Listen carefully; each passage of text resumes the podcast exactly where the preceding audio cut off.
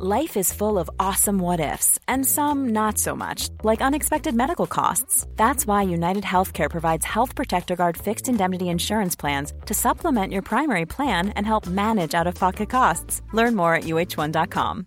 When you make decisions for your company, you look for the no brainers. And if you have a lot of mailing to do, stamps.com is the ultimate no brainer. It streamlines your processes to make your business more efficient, which makes you less busy.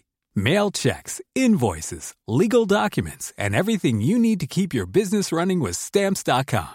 Seamlessly connect with every major marketplace and shopping cart. Schedule package pickups and see your cheapest and fastest shipping options from different carriers. With rates up to 89% off USPS and UPS rates. And with the Stamps.com mobile app, you can take care of mailing and shipping wherever you are. Make the same no-brainer decision as over 1 million other businesses with Stamps.com. Sign up with Code PROGRAM for a four-week trial, plus free postage and a free digital scale. No long-term commitments or contracts. That's Stamps.com.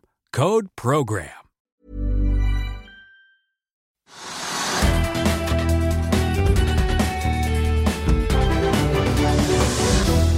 Hei og velkommen til Økonominyhetene. Dette er hovedsakene våre i dag. Vi skal ha teknisk analyse av Aker. Så har Saga Pure, som er investeringsselskapet til kanskje Norges råeste investor, Øystein Stray Petalen, lagt frem gode tall for fjerde kvartal. Og det ser også ut bra for eh, første kvartal. Det kommer vi, til, det kommer vi tilbake til om litt. Eh, Kjell Inge Røkkes Aker-ASA har også lagt frem gode tall i dag. Og det var kanskje enda bedre enn det til og med Kjell Inge Røkke hadde drømt om. Det kommer vi selvfølgelig tilbake til. Movi la fram skuffende tall for fjerde kvartal i dag, men strødde litt sukker på såret. Det kommer vi tilbake til. Og Flyr, som skal børsnoteres om to uker, men det handles da allerede i aksjen, og bjellesauene er på plass. Hvem de er, og aksjekursen nå, kommer vi straks tilbake til. Og siden vi er inne på ting som flyr, bitcoin skal vi selvfølgelig også snakke litt om. Før vi kommenterer Aker, Saga Pure og Movi-tallene og de andre nyhetene, det har kommet nye anslag for oljeinvesteringene i år og neste år. SSB anslår nå at eh, oljeinvesteringene i 2021 blir litt lavere enn i 2020, og enda lavere i 2022. Har du fått sett på eh, oljeinvesteringstallene, Trygve?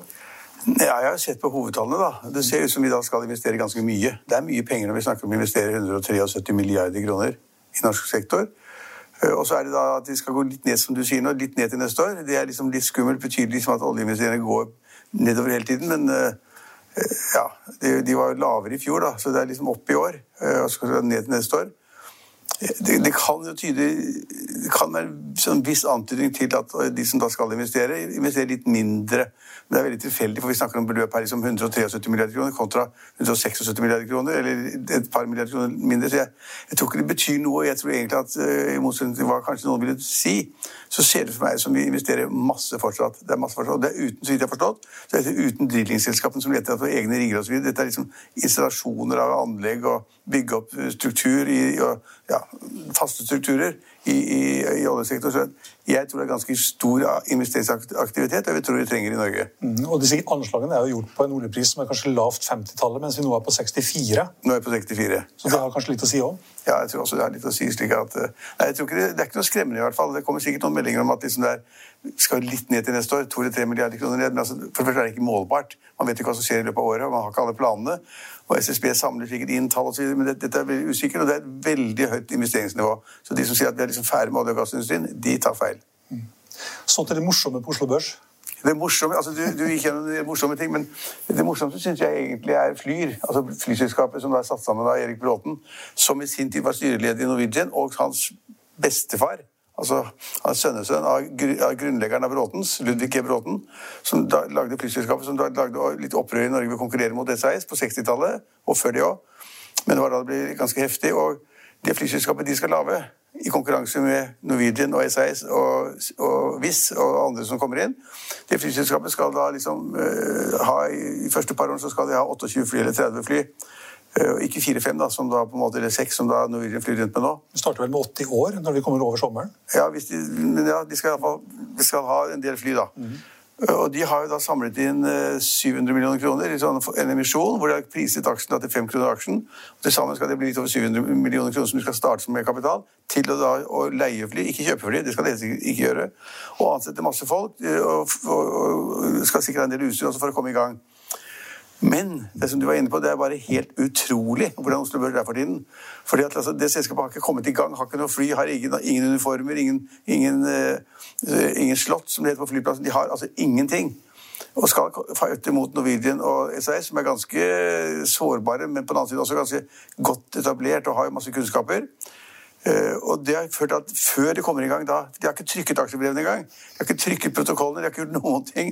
De skal, de skal komme i gang om 14 uker eller sånn, nei, om to uker. Uh, og så har da kursen gått opp da fra 5 kroner til 6 kroner, mellom 6 og 7 kroner. Det vil si at alle de der store investorene som har satt penger til å begynne med det er det? Ja, det er Spetalen, blant annet. og det er, det er Erik Bråten selv, og det er også Sissener, tror jeg. Arne Fredelig. Arne Fredelig. Det er alle store gutta. Og de har alle nå en sånn flere titalls millioner i fortjeneste før flyene har begynt å rulle på bakken.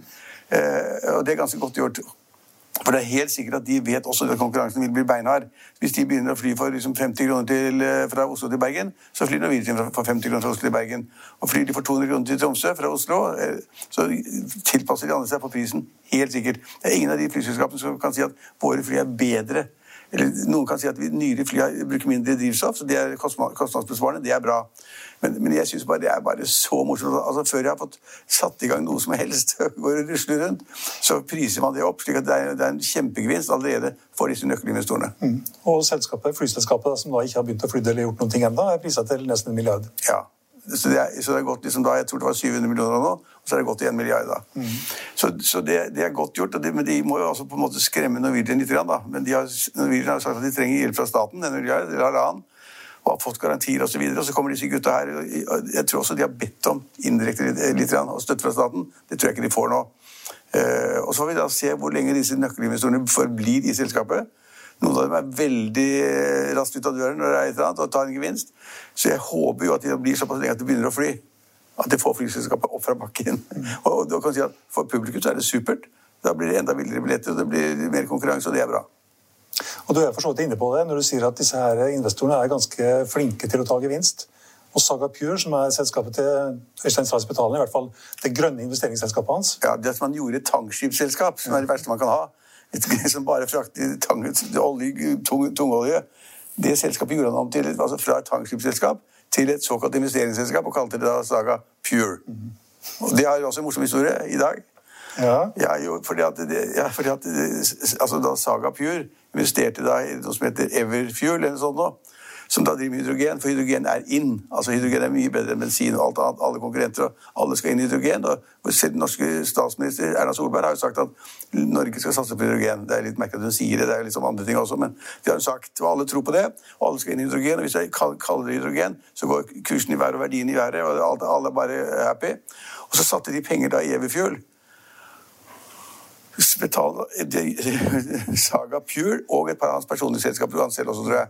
Men i sum, uten å regne veldig nøyaktig på det, så ser det som da, eh, etter få uker altså Fra da man har forandret selskapet til noe nytt, gått inn og investert i hydrogen, så har da Spetalen og hans selskaper og familie tjent 260 millioner kroner. Og da ser han. så er solgt til du, Everfuel via, da, via de, sine personlige selskaper og inn, inn da i Saga Pure hvor det kommer penger inn, og da blir jo det selskapet et overskuddsforlag og tjener penger. Så hvis han er verdens raskeste til å slå til hvis det er gode dealer, så er han absolutt helt uslåelig i Norge på å gå ut igjen når han da klarer å se en gevinst. Og det syns jeg er ganske godt gjort. Og det er helt sikkert noen som er litt sånn sure på det. Det er liksom så fælt. Og mann, altså svingdøra, svingdøra på Grang, det er liksom spetalen ut og inn så det fyker. Men det er jo proft. Så hvis han har liksom, i løpet av få uker ved å da skifte navn på et selskap, foreta en investering, moderat investering i Evifjøl, så, å øh, tjene 260 millioner på det, så, så er det jo til å gå ut. Mm. Så kan man si at ja, hvis, da hvis kursen stiger videre da, på Saga Pure øh, eller Everfuel, eller det stiger videre på, på flyselskapet, som han er i fortsatt, blir han der lenge, eller går han, går han ut derfra også? Det er ikke godt å si. Men jeg syns han opptrer helproft. Selv om noen blir sikkert sure. Og det er jo også i gamle dager, da vi var unge, så het det jo at man tegner garantert i selskaper. Nå, nå er man liksom sånn cornerstone-aksjonær en sånn nå. Hjørnesteinsinvesterere. Men i gamle dager sa man at det var garantister i sånne tegninger osv. Så videre. så man, de selskapene som skulle på børs, eller skulle utvide kapitalen, de var sikre på at de fikk de pengene de snakket med investorene om. Så garanterte de for det, og så ble det tegnet, så hadde man penger. Og så kunne man drive videre. Så det syns jeg er to ganske morsomme historier på Oslo Børs. Noe av det viktigste som har skjedd, etter min mening. Det er bare det er ikke til å tro, altså. Så vi som har sittet her og fleipet inn med hospitalet, er så raskt ut igjen men han tjener penger. Altså, dette slår jo alle, all, absolutt alle rekorder. Han sitter sikkert hjemme og koser seg på Bygdøy med tennisbanen i kjelleren og ler seg i hjel. Eh, men, men, men, men, det er ikke lett å gjøre det. Det skal gjøres. Det skal investeres penger. Du skal ha en strategi. Du skal gå fra tankskip til hydrogen. Du skal være smart. Du skal være Og en annen, Da må du korrigere meg. Det er et annet spesialselskap som også er liksom et Prime eller sånn, mm -hmm. som skal konkurrere med kvantafjøl. Altså vår tidligere medarbeider ja, mm -hmm. Vår tidligere medarbeider Kjetil Bjørn, Bjørn Nei, Bøhn. Som, som da er laget et selskap som da skal forvandle gamle plastposer vi har snakket om det 100 ganger, til da nye, nye plastposer eller olje. Eh, og Der er altså Spedalen inne i selskap som skal konkurrere med det. og Han sa tidligere at de som drev med det, var folk uten hjerne. Og den selskapet gikk rett opp på børsen i går. Prime gikk rett opp på børsen i går, for det var Spedalen som var aksjonær i selskapet. Så ingen skal si meg at det ikke er morsomt for Oslo Børs. Og, for øvrig, da hvor indeksen står da pluss-minus null, det er litt ned, kvart prosent ned eller sånn nå. Og oljeprisen har snust på 64 dollar per fat, men det er da nede på 63 og noe per fat. Så vi er liksom der vi skulle være. Oljeprisen er ganske høy, eh, men den er litt kunstig høy pga. det som har skjedd i Texas og og, og liksom der borte hvor det, altså, det er i, altså, alt stivner, og det, er istid. så alle skrur på alle ovnene samtidig, og da ryker systemet av fem millioner mennesker uten strøm. Uh, og det er beinkaldt, og da når alle gjør det, så skal da, man skaffe seg energi.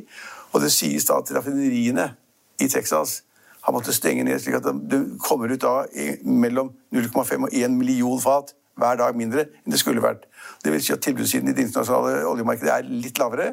Det betyr at prisen skal litt opp. Men det, det, det, jeg holdt på å si, den isen blir jo borte. det smelter jo. Så Vindmøllene begynner å gå igjen etter hvert? Ja, etter hvert så begynner vindmøllene annet å gå igjen. Så det, er liksom litt eh, kortsiktig å legge vekt på hva som skjer akkurat i Texas akkurat nå. Men det ser jo Texas ut. Fra, hvis vi så på i Hellas i går, i Akropolis, så var det bare is og snø der også. Så det er litt, det er litt snålt, hele greiene. Men, men det, skjer, det skjer da mye på Oslo Børs, som er det som avhenger av dette, som henger sammen med dette her. Mm. Eh, du var inne på Texas. Det er litt Texas i Aker òg. Det går iallfall veldig bra. Ja, det, Texas og Texas, altså. Men, altså poenget er at Aker, altså Aker AI, som er da liksom nøkkelselskapet til Røkke, som eier alle de andre selskapene, Aker Solutions og alt det andre, som er liksom og det er, han 67 eller 68 i 68,18, ja. ja og det, så det kontrollerer han, det er hans selskap. Og det der det ligger, og så eier han det, det, disse underliggende selskapene. De la frem tall, og, de, og nå er det slik at ingen er opptatt av om de tjener penger akkurat da, eller, når, eller renter eller driftskostnader. De regner selv ut. Jeg regner med at de har noen revisorer som hjelper dem. Men det håper jeg i hvert fall. Så de regner, hvert kvartal så regner de ut hva verdiendringene i alle de selskapene jeg eier. Og da må du på de børsnoterte selskapene så må du ta kursene på de børsnoterte selskapene. Det klarer du og jeg òg. Én lapp. Sånn. Og så er det kanskje noen selskaper i randsonen som er litt vanskeligere, men i hovedsak så er det enkle, greie selskaper hvor børskursene må legges til grunn. Og da har verdiøkningen for Kjell Inge Røkkes selskap Aker har økt med 22 milliarder kroner i fjor. 22 milliarder. Det var i fjerde kvartal, det var hele fjor? Det var hele fjor, de 22. Ja. Nei, er du gæren, da? 22 milliarder på ett år. Nei, da, hadde, han besvimt, tenker jeg. Det går ikke. Men, men, mange av de verdiøkningene har kommet fra de underliggende selskapene som skilt, skilt, er skilt ut og laget nye selskapsstrukturer og nye paraplyer. Og så er de selskapene som da kanskje var verdt 100 millioner, 200 millioner kroner, er plutselig verdt 3 milliarder. Og summen av alt det, hvis du legger sammen 3 milliarder her og 3 milliarder der, og 6 milliarder der, så blir det summen av hele greia hele suppa, jeg vil ikke si det, jeg mener ikke at jeg sier negativt, det er da 22 milliarder kroner i verdiøkning for aksjonærene i Aker eh, ASA. Og de er i hovedsak Kjell Inge Røkke, og det er godt gjort. Så sitter jeg bare og skryter av disse investorene, men de er faktisk ganske mange gode der ute akkurat nå. Mm. Det hadde vel nesten ikke Kjell Inge Røkke heller drømt om i fjor sommer, tenker jeg. Nei, jeg, altså, altså, Hvis du går tilbake et år, jeg er helt sikker på at vi har snakket om det mange ganger, at liksom Røkke er flink, han satser på olje og gass. De andre driver med mye annet. Han holder seg til Aker BP, som er oljeselskapet han skapte. som han hadde sitt eget oljeselskap, fusjonerte med BP og fikk et selskap som han da har 42% eller i underkant av Ja, det er rundt 40% eller sånt. Rundt 40, sånn som han da kontrollerer. Og da var det olje og gass som gjaldt. ikke sant? Å skaffe seg lisenser, man skulle gjøre alt mulig rart. og det var, Alt gikk mot olje og gass. Og så da Øyvind Eriksen, som hans nestkommanderende. Og plutselig, på få måneder, så er olje og gass helt ut. helt ut. Og nå er det bare grønt og fornybart. Og, og nye selskaper og hydrogen og alt som har med det å gjøre. Og vindkraft. Og, og, og fanging av karbon. Alt sammen, alt er bare fornybart og noe helt annet enn olje og gass. Og det gjør det knallhardt å kjøpe selskaper, bl.a. Rexilikon, som du vet, som du kjøpte for én krone eller sånn per aksje. Og nå ligger den kursen på hva ligger den nå, 20 kroner eller sånn. Jeg, jeg er ikke sikker, men det er iallfall Han kjøpte for, kjøpte for 1 krone én krone kanskje aksjen. Rundt det. Da er den 22 eh, kroner og 88 øre akkurat nå. Ja, ja, den har gått fra 1 krone og halvannen krone til det. Ja. Og det, det Rex Silikon, som produserer silisium, skal også inn i de der greiene selskapene. Og når de kommer i de nye selskapene, så øker verdiene med en gang. Så, da, så hvis det fortsetter sånn, så vil det da 21 også bli ganske god for Kjell Inge Røkke. Men det er ganske mange proffer investorer. Og så er det jo slik at jeg kan si nå med stor grad av sikkerhet at det, når alle løper etter disse gutta som bare skal inn i hydrogen og fornybart, noen av de kommer til å gå skjorta av seg. Så det blir ikke like gøy i 21 og 22, det er jeg helt sikker på. I'll see you in court. Vi sier det ofte litt på spøk, men for deg som driver business, er det aldri moro å innse at du ikke har laget en 100% gyldig kontrakt. Du bør ikke risikere hele firmaet ditt fordi du synes dette med kontrakter er litt stress. En avtale er ikke en avtale. Du kan miste kunder, miste venner, ja, til og med miste inntekter om du ikke lager en skikkelig kontrakt, på alt mulig, egentlig. Men vi vet det er et styr, kopimaskiner, tregprinter og haugevis av papir. Dessuten stoler vi jo på folk her i landet. Det er ofte litt kleint å skulle be om en signatur for alt mulig, ja, for mye av styret handler også om jakten på underskriften. Det finnes en enkel måte å løse dette på, Dukkobit, en trygg, effektiv og get this, gratis måte å sikre seg en god natts søvn pluss en juridisk bindende avtale. Dukkobit-appen har de strengeste sikkerhetskrav i bunn, samt en EU-godkjent og sertifisert teknologi. Framover vil det bli behagelig å spørre du, skal vi skrive under på det, eller? Kom i gang på dukkobit.no. Nei, alle skal jo inn i Vind nå. Nå kommer BV ja. Også med et vindselskap i dag. Ja, alle skal i Vind. Og de har da funnet at liksom, de, ja, de skal også da inn i Vind. Ja, det er helt riktig, det. Så det er veldig mange som skal inn i Vind. Og, skal, og jeg tror at vind er en ganske viktig energikilde i Norge de kommende årene. Men de skal liksom plasseres på havbunnen. På land får du ikke lov. Da får du protester etter deg hele tiden, så det gidder de ikke. Iallfall ikke i stort målestokk. Og så skal de ut, ut, på, ut, i havet, enten utenfor Skottland, utenfor Norge, oppover langs kysten, hvor de nå skal være, eller de andre steder i verden. Og skal de da bygge kjempekonstitusjoner hvor da de skal snurre rundt de der propellene. Eh, ikke sant? Og de, de, er så støtte, de kan ikke lage det i Norge engang. For de får ikke inn på veiene, og de får ikke fraktet de av gårde og sånn. Så det er liksom uaktuelt, uaktuelt å bygge den type ting i Norge. Men vi, skal jo være, vi har bygget oljerigger som står fast på bunnen i Nordsjøen. Og de skal nå lage da nye, den type konstruksjoner som da er laget for få da vindkraften. Og det kommer mange til å kaste over. Og når alle kaster over det stedet, hvordan går det da? Ja, Det går som i shipping. ja, det går som i shipping. Jeg tror ikke det er like ille som i shipping. Men det er samme at alle gjør det samme. ikke sant? Så, uh, det kan bli overinvesteringer i hvert fall. Ja, det blir helt sikkert det. Og, blir det, og det er jo, så vidt jeg har sett på det, de selskapene jeg har sett på tidligere, det er jo ingen av de selskapene jeg har sett på som tjener penger nå heller. Men nå har de vært nesten alene i markedet og fått masse statlig støtte. for liksom, Hvis man da kan sikre at en by eller to eller tre liggende ved kysten et eller annet sted kan da få energi fra de vindmøllene, så er det mange myndigheter som går inn på den dealen. Men selv da har de ikke klart å tjene penger uten, uten støtte. I lys av det her så blir vel eh, kvartalstallene til Movi litt kjedelige? Ja, det tror jeg, men de, men de, de, de kvartalstallene gikk jo rett ned. Så de, dårlig. ja, de tjente penger. De tjente omtrent en tredjedel av hva de gjorde i fjor. Mm -hmm. Eller året før. for sammenlignet, det var jo i fjor. Eh, og det likte ikke markedet, selvfølgelig. men eh, og de sier at årsaken er, Det er så opplagt at man bør nesten ikke si. Årsaken er jo det at koronautbruddet og pandemien har gjort da det at nedover i Europa det er liksom, Du får ikke frem laksen. Og når laksen kommer til eh, restaurantene, så er de stengt. Og hotellene er stengt. Og prisen er litt lavere pga. det? Og prisen er lavere, eksakt. Mm. Og du kombinerer det at etterspørselen svikter pga. helt opplagte forhold, og at prisen faller, så får du dårlige resultater. Og alle sammen kommer med dårlige resultater. Og alle sier akkurat det samme. Det er nesten samme produksjonen, nesten. De får ikke avsetning på det, og det er masse logistikk å få bilene frem. Og det er masse surr. Eh, og den prisnedgangen er såpass sterk at resultatet altså stuper. Sukka det litt da med et utbytte på 32 øre? Ja, ja, ja. ja, ja. Men altså, det er Ja, ja. ja det kan du godt si. Apropos utbytte. Du vet hvor mye Kjell Inge Røkke får ut eh, fra Aker-systemet i år? I år fordi det gikk bra i fjor. Ja, for, ja. ja det er jo 11,75 kroner nå. To milliarder! det var litt høyt, men i hvert fall over en milliard. Ja. Jeg, fikk, jeg fikk jo bare et halvt sekund å tenke meg på. Men det blir masse penger, selvfølgelig. Og han trenger å bygge en sånn kjempeyacht. Dette forskningsfartøyet hans. Det, det koster penger. Det, hvordan 4-5 milliarder, kanskje? Ja, 5-6 milliarder. 5-6, ja. Ja. så, så han trenger masse penger. Han er dyr, dyr i drift. Han har fly og båter overalt. Eh, og han bruker penger. I motsetning til mange andre sånne rikinger som du ikke hører om, så bruker han penger på da de ting som han syns er gøy. Seiling og yachter og båter og, eh, og denne, denne forskningsfartøyet som skal da utforske havene. Som skal ha halvt forskning og halvt bruk, privatbruk eller utleie. Så, så han trenger masse penger. Han må ta et mye utbytte. ja. Da hjelper det med litt fra Aker. Det er bra det er utbyttekapasitet der. ja, det er det helt sikkert. Eh, apropos, ikke apropos det, men det som hadde vært skikkelig morsomt, det var, var hvis det kom en nyhet à la det vi så om, om Elon Musk, som hadde kjøpt bitcoin. Tenk hvis Kjell Inge Røkke hadde kjøpt bitcoin.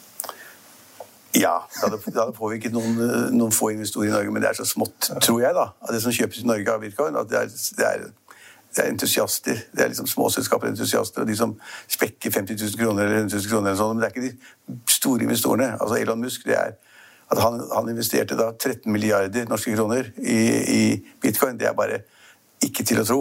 Fordi at uh, Han vet like godt som du og jeg at verdien av en bitcoin er helt umulig å fastslå. Det er en ulldott. Så det, så det, er ikke mulig. Og nå er jo, nå jo bitcoin-kursen oppe i 51 000 dollar per bitcoin. 51 000. Og i vår korte tid de siste par årene så har vi vært nede oppe 40, nede på 5 000. 30, 35, altså 40, og så 50, og så 51. 51 i Ja, og dag. hvis du ser på fremtidsprisen i mai, så er vi oppe på 53. 54. Mm. Hvis du selger huset ditt, til Ove, på Bygdø eller et annet sted, eller hytta di, for i bitcoin Nå snakker man om alt skal altså alle oppgjør internasjonalt går så mye lettere hvis man har bitcoin. Slipper de dumme bankene og euro og dollar og det er surrete, sier noen. Men det gjør at du selger altså huset ditt, for du gidder ikke bo i Oslo lenger. Og så, skal jeg følge av disse, disse smarte gutta som sier at det er bitcoin man skal gjøre opp i, så gjør du opp i bitcoin. Får du bitcoin for det, for det huset, ikke sant? Da tror jeg ville veksla ganske fort. Det er akkurat det som er poenget. Hvis du ikke veksler dagen etter, så er du deep shit, for kursen kan jo falle 30-40% på én dag. Kan selvfølgelig gå til 60 og 100 000 Ja, absolutt, men du kan miste halve huset. For du har vært så dum å ta med et oppgjør i bitcoin som faller til 30-40 i løpet av få dager, fordi at ingen vet hva verdien er. Så, er det en, så har kanskje Elon Musk sagt at bitcoin er jo dritt. og, så, og så er det noen andre som sier det samme. Og jeg, Dette var bare for å lure folk. Jeg hadde bare moro. Og da er ingen som har verdier. Og det, det som er fordelen ved da, euro, kroner og hva det måtte være, dollar, og du har banker som holder på med det, for de har en verdi på det som de står for. Og det, liksom, det, kan, det kan endre seg 2-3 i løpet av et halvt år, eller sånn, så valutakurser. Kanskje litt mer, men ikke mye, ikke mye mer. Du vet hva du får. Og bankene som sier at det er verdt det, som handler i valuta, de må ha en viss egenkapital som de kan sørge for at de kan gjøre opp disse kontraktene de har på alle områder, enten det er verdipapirer eller da det er andre typer investeringer. Så de skal kunne gjøre opp for seg i en eller annen sammenheng. Og det vet du ikke når det er bitcoin. For det, det er ikke noe verdi. Det er den verdien den du og jeg er enige om. Hvis vi er de eneste i verden som kjøpte bitcoin, de eneste, så er det du og jeg som bestemmer hva det er verdt. Og det øyeblikket du sier det gidder jeg ikke mer, Trygve, så ok, da synker den. Og hvis jeg sier nå gidder jeg ikke mer, så synker den. Og hvis jeg sier at det er kjempebra, så stiger den. Og sånn surrer de rundt med det. og Så den prisen er helt umulig å estimere. Eh, Og derfor så er det selvfølgelig livsfarlig å å selge et eller annet og bli sittende med verdien i bitcoin. For som du sier, det er riktig at den kan gå fra 51 til 60 000. Det er helt riktig det. Men den kan også falle til 20 i løpet av to, to uker, og da er liksom hele huset ditt nesten borte. Og Det har skjedd før. Ja, Det har skjedd før. det har skjedd før. Akkurat det som er poenget. Det har skjedd før. Mye moro i dag. Ja. Da har vel vært innom det meste av det som var morsomt. Vi har jo flere andre selskaper som også har lagt fram kvartalstall i dag, bl.a. Play Magnus. Det var ikke så morsomt, men det kan du lese mer om på finansavisen.no. ja, ja, ja, det er bra du nevnte det. Vi, vi, vi, har, så mye moro av det. Men, men det er jo morsomt å se han sitter og spiller hver kveld. Jeg følger litt med også. Eh, og, og eh, det selskapet det har jo gått som bare rakkeren når det gjelder omsetning. Folk bruker hans spill og spiller med det. Eh, så omsetning går rett opp. Men hva er det andre som går rett opp? Enda mer? Underskuddet. Underskuddet! Så det, omsetning på resultatet går rett ned. Ja, flere og flere brukere rett opp, og de betaler for seg. Fornuftig nok. Og så ser man på tallene, og så ser man, er det mulig? Og så viser det seg at underskuddet er liksom tre- eller firedobbelt fra i fjor, da, eller forfjor til i fjor. Så Men det er ingen som bryr seg om. Nei, ingen som bryr seg om det. Det synes jeg er ganske snålt. at det må være mulig å skjønne det at det er, ikke, det er et som ikke helt stemmer når underskuddet blir så store. Da bruker de penger på masse rart som ikke vi vet om. Og bruker masse penger for å få nye brukere. Selge inn til nye som skal lære seg, lære seg spillersjakk og spille mot, mot, eh, mot han, han og andre. Så, så er, nei, altså I dag syns jeg det er virkelig mye moro. Jeg synes det var Jeg så tallene. Å, fy fader, omsetningen sånn opp sånn. Og så gikk jeg liksom to linjer ned, og så sto det minus 175 millioner. Det er ikke til å tro. Så, og Kanskje er det helt tilfeldig at jeg akkurat har brukt penger på noe veldig viktig nå. eller hva vet jeg, altså, men, men... Nei, På kort sikt så er det ingen som bryr seg om det, for det gjør bare at det ikke går an å regne på det. Ja. Men som Spetalen sier, matematikken seirer til slutt. Alltid. Selv om motstanderne ikke har hjerner. Ja, så da gjelder det å selge. da gjelder det å selge. Ja, det, var, eh, det var vel hovedtrekkene og alt det morsomme på Oslo Børs. Takk skal du ha, Trygve. Og det var det vi hadde for i dag, men vi er tilbake igjen i morgen klokken 15.30. Følg med oss igjen da.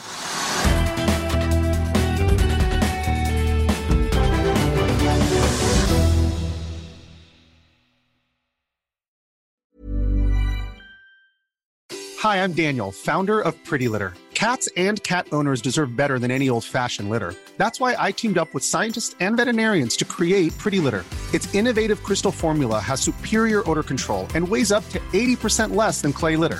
Pretty Litter even monitors health by changing colors to help detect early signs of potential illness. It's the world's smartest kitty litter. Go to prettylitter.com and use code ACAST for 20% off your first order and a free cat toy. Terms and conditions apply. See site for details.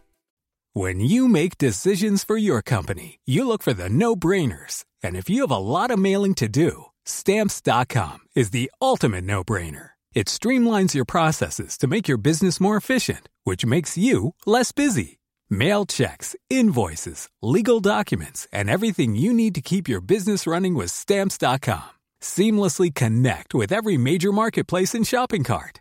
Schedule package pickups and see your cheapest and fastest shipping options from different carriers with rates up to 89% off USPS and UPS rates. And with the stamps.com mobile app, you can take care of mailing and shipping wherever you are. Make the same no-brainer decision as over 1 million other businesses with stamps.com. Sign up with code program for a 4-week trial plus free postage and a free digital scale. No long-term commitments or contracts. That's stamps.com. Code program.